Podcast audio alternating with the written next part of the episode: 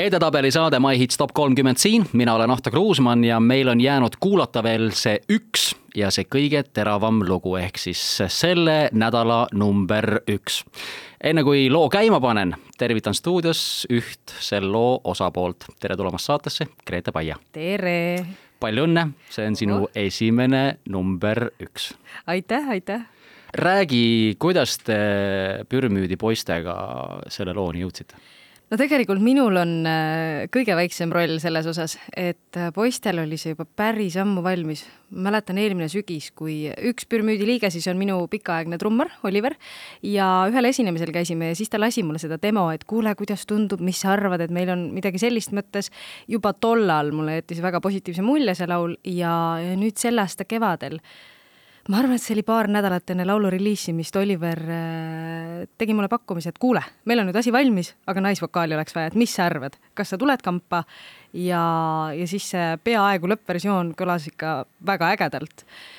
olin nõus, ülikiiresti läksid asjad ja need tulemused, mis nüüd terve suve jooksul on tulnud, on meid kõiki väga positiivselt üllatanud ja üle ootuste hästi on ikkagi minu jaoks nagu asjad läinud oli seal vokaali osas sinu asemel veel variante nendel välja mõeldud? eks nad ikka, ikka mõtlesid natuke mingeid variante ja, ja vist äh, ühe teise lauljannaga ka konsulteerisid, aga vaat elu mängis kaardid niimoodi ja ma arvan, et lõpp hea, kõik hea. Te küsisite Sallerilt ka seda luba?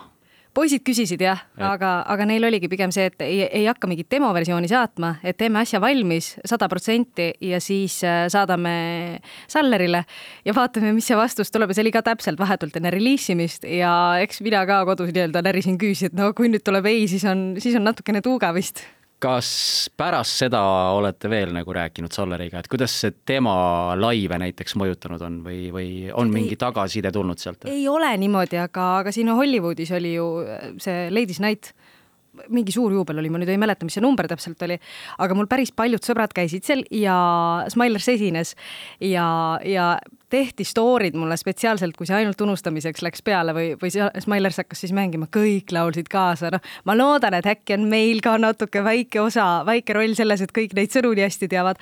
aga tegelikult mina ju ei olnud isiklikult niimoodi Salleriga isegi varasemalt kokku puutunud, kui alles suvel me sattusime koos tennist mängima ja siis me olime paaris mängus koos. siis ma tutvustasin ennast, noh, tere, mina olen see lauluvaras. annan ühe idee võiksite seda kuskil laivis näiteks Salleriga koos teha?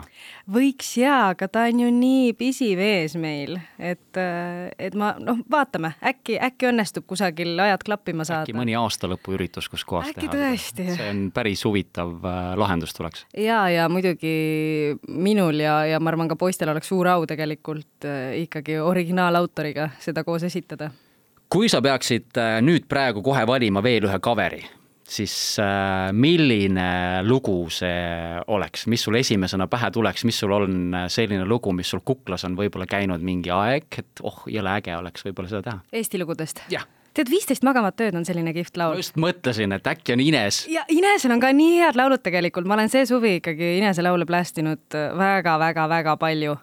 et, et väga paljude laulude puhul minu teada on ka Saller ju tegelikult autor. ja Saller on üks Eesti parimaid toplainereid ikkagi su esimene lugu valmis äh, siis, kui sa olid kolmteist, neliteist. jaa. Mm, see oli siis lõpp sellel lool, inglisekeelne pealkiri oli I m over you. I m over you.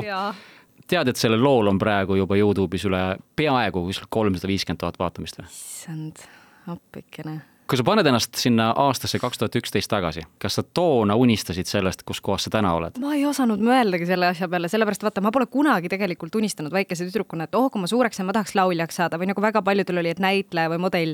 minul olid täiesti teised huvid, pigem sellised poiste teemad, et tahaks lennukipiloodiks saada, tahaks äh, tuletõrjeauto autojuhiks ja spiooniks ja, ja kõik nagu see, loomaarst oli ka vahepeal.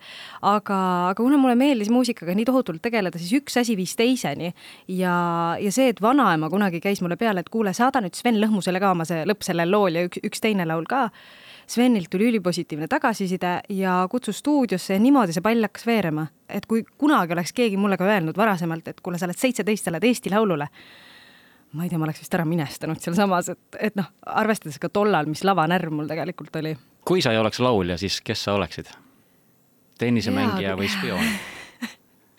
Spiooniks sa tahtsid saada kunagi? ma tahtsin jah ja., mul oli Tomb Raider oli lemmikfilm mingi aeg, aga tead, ma ei tea selles suhtes, et, et ma olen sellest ka aru saanud, et sa teed elus plaane ka praegu ja siis elu on mingi äh, äh, mul on hoopis teised mõtted sinuga, et elu tuleb usaldada ja asjad lähevad nii, nagu need peavad minema, aga, aga võib-olla ma arvan, äkki ma oleks juurat läinud õppima. EBS-i oled sa ju lõpetanud, on ju? EBS-i ma olen lõpetanud, ma olen tehnikakõrgkoolis. jah. jah, õpin õmblejaks või tegelikult moetööstust, et yeah. seda tehnilist disaini. Mind huvitab nüüd, kui julge sa oled.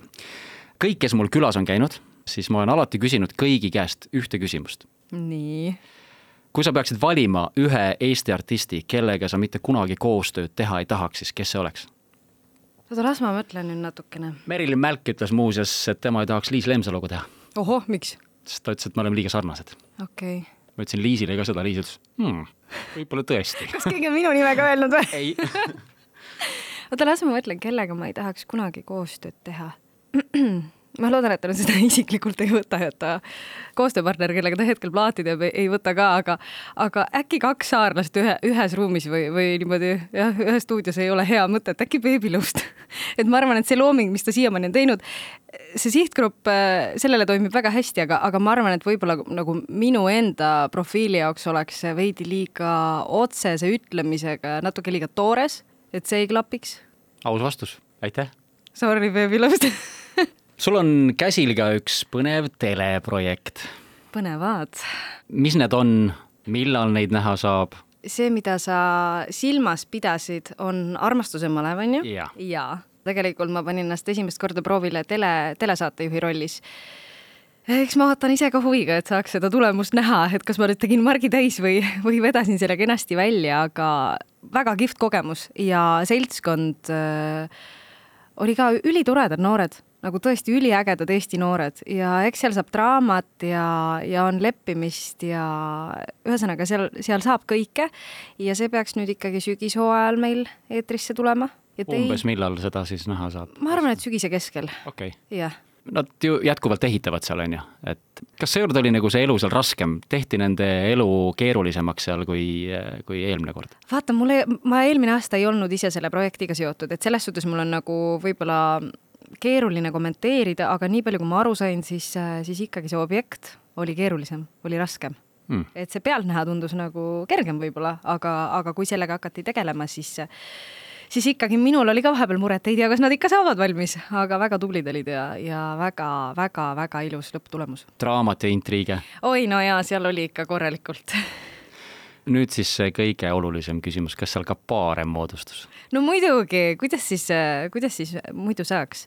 ütleme nii, et need paarikesed ka üllatasid üksteist või, või, või kõiki, kõiki, üksteist ja, ja meeskonda ja et selles suhtes seal saab ikka kõike täie raha eest. ootame sügist. ootame sügist. kus sind äh, nüüd siis lavalaudadel näha saab, räägime sellest ka Äh, väga hea, täpselt nädala pärast Tallinna merepäevad, sõjaväeorkester ja, ja meie koos Uku Suvistega siis oleme soolos seal ees ja on ühtlasi ka minu kahekümne seitsmes sünnipäev, nii et wow. ootan kõiki kakskümmend seitse august, algusega vist kell seitse kõik, kes tahavad äh, selle intervjuu pikemat versiooni kuulata, siis minge MyHits kodulehele podcast'ide keskkonda ja sealt leiate selle juba ülesse ja tänud, äh, et said tulla Grete. aitäh kutsumast! ja soovin sulle igatipidi edu! samad sõnad! ja nüüd My Hits Top kolmkümmend, sellenädalane number üks ja seda siis päris esimest korda. Pürmüüd ja Grete Paia looks on ainult unustamiseks